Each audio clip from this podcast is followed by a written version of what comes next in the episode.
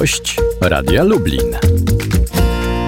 Tomasz nie śpiał przed mikrofonem, a gościem Radia Lublin jest Małgorzata Jarosińska-Jedynak, wiceminister funduszy i polityki regionalnej. Dzień dobry. Dzień dobry, witam serdecznie.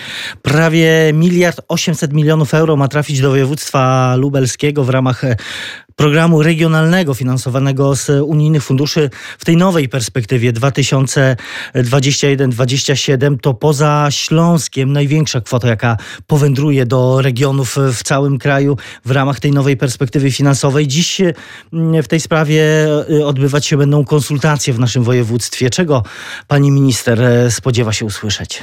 Przede wszystkim spodziewam się usłyszeć od e, pana marszałka, bo to on będzie prezentował e, sukcesy wdrażania e, tej obecnej perspektywy jeszcze kończącej się 2014-2020, ale też tych planów, jak zagospodarować i jak zainwestować te środki, bo ja tylko chciałabym dodać, że to nie wszystkie środki, które trafią do województwa lubelskiego. No właśnie, bo, bo mówimy jeszcze po, po, o, o tych 250 milionach złotych, choćby z programu krajowego dotyczącego sprawiedliwej transformacji. No plus oczywiście jeszcze e, trafią do nas pieniądze z e, tego, tej części programu krajowego związanej z programem Polska Wschodnia. Tak, dokładnie. To można tak policzyć e, proporcjonalnie po sześciu regionach, czyli około 480, 418 milionów euro w ramach programu Polski Wschodniej, co nie oznacza, że takie środki trafią, bo wszystko zależy od skuteczności danego regionu, bo to w większości są działania konkursowe. A w tej obecnej perspektywie 14-20 województwo lubelskie z programów krajowych pozyskało jeszcze dodatkowo 9,9 miliarda złotych na inwestycje realizowane na terenie województwa lubelskiego,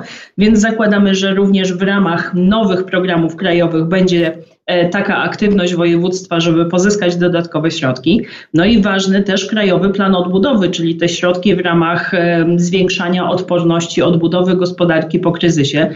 Tutaj też do regionu trafią konkretne pieniądze. Czyli jest e, szansa, że no jeśli tego tempa nie zwolnimy, lubelskie się obłowi.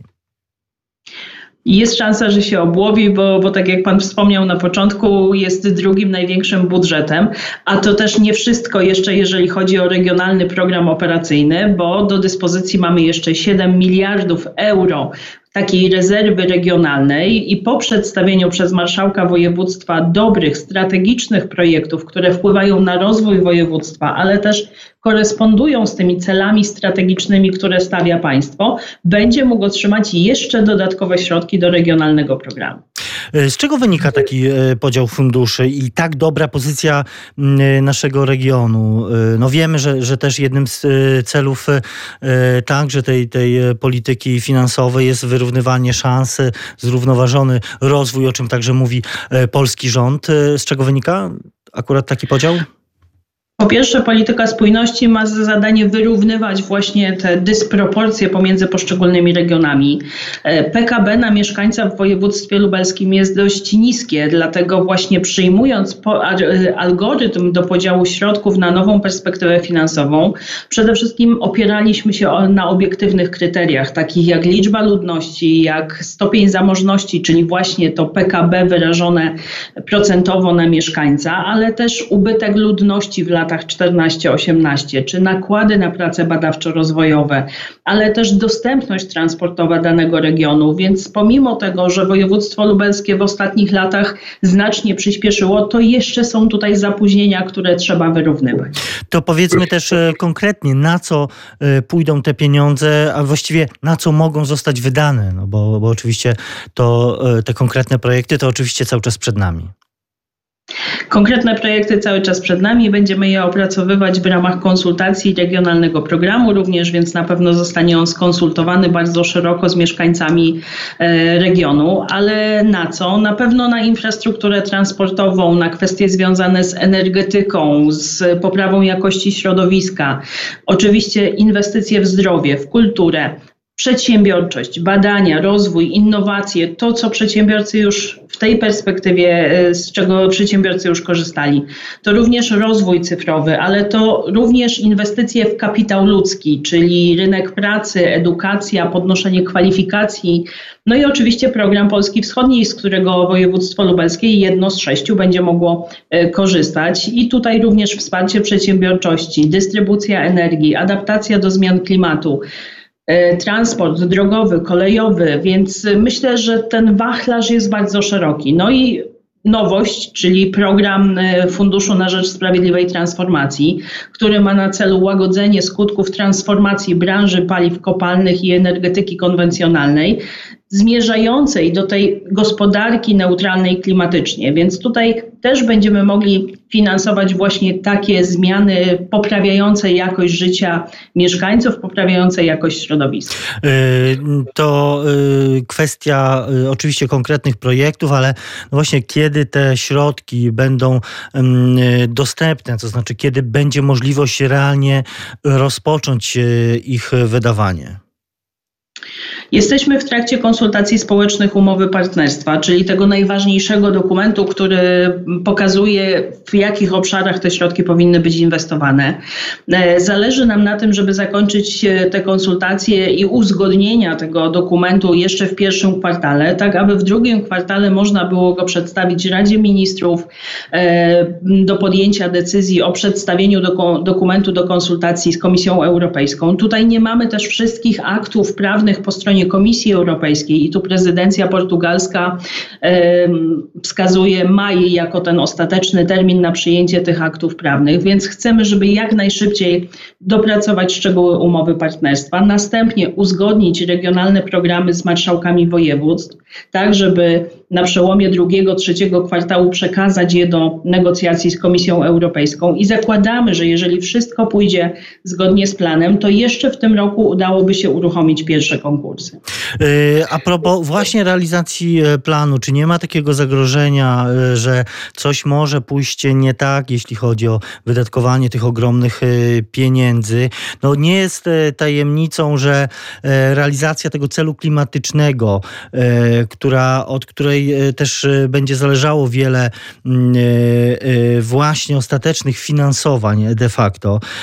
No dla Polski wiemy, że te, realizacja tego celu klimatycznego to, to może być ogromne wyzwanie. Czy w związku z tym nie ma tutaj jakiegoś zagrożenia, że te środki mogą być mniejsze od tych przynajmniej teoretycznie zakładanych? Nie zakładamy, żeby pojawiły się jakieś zagrożenia w realizacji e, polityki spójności.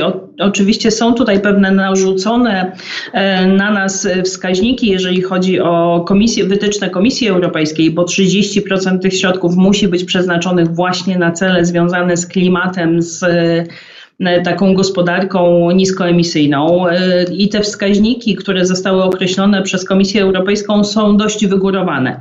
Ale biorąc pod uwagę potrzeby, które mamy w realizacji projektów, myślę, że nie powinno być problemów z ich osiągnięciem. Oczywiście pod warunkiem, że nie zaskoczą nas takie kryzysy jak pandemia COVID-19.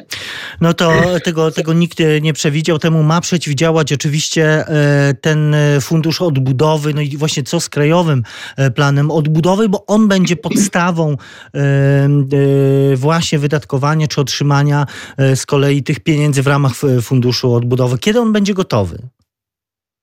Krajowy Plan Odbudowy tak naprawdę jest już e, dopięty. Brakuje tylko wskaźników i kamieni milowych, których oczekuje Komisja Europejska, na podstawie których będzie wypłacać środki poszczególnym państwom członkowskim. Ten dokument jest e, opracowywany w Ministerstwie Funduszy i Polityki Regionalnej. Chcielibyśmy w przeciągu najbliższych dwóch tygodni przedstawić go również do konsultacji społecznych.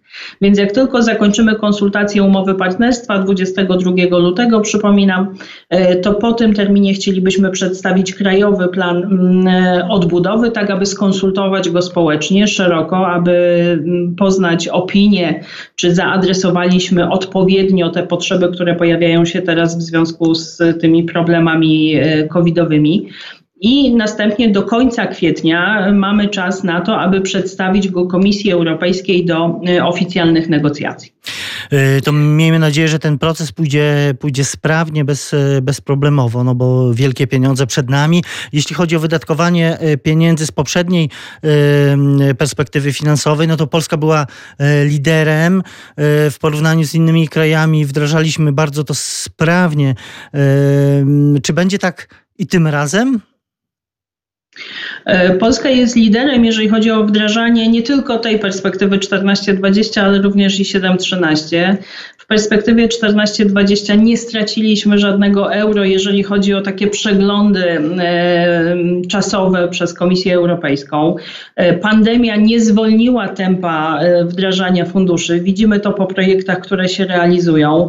Województwo lubelskie też jest liderem w tych działaniach, bo jako jedyne zakontraktowało swój regionalny program operacyjny na poziomie 94%, więc jest na pierwszym miejscu w tej chwili. Więc widzimy, że nie ma tego zagrożenia. Mamy dobre doświadczenia, mamy sprawnie przygotowany system, zarówno na poziomie krajowym, jak i na poziomie regionalnym. Mamy e, sprawnych beneficjentów, którzy dobrze aplikują ośrodki, dobrze je przygotowują, a przede wszystkim e, bez większych nieprawidłowości je wdrażają. Więc zakładam, że przy zachowaniu tego systemu, który pracuje, nie będzie również problemu z inwestowaniem środków z perspektywy 21-20. Miejmy nadzieję, że tak właśnie się stanie. Przypomnijmy, konsultacje społeczne e, projektu umowy partnerstwa e, potrwają do 22 lutego. Do tego czasu można zgłaszać uwagi także za pośrednictwem e, formularza na stronie Funduszu Europejskiego.pl, a ja tymczasem bardzo dziękuję za rozmowę. Małgorzata Jarosińska-Jedynak, wiceminister Funduszy i Polityki Regionalnej była gościem Radia Lublin. Dziękuję bardzo.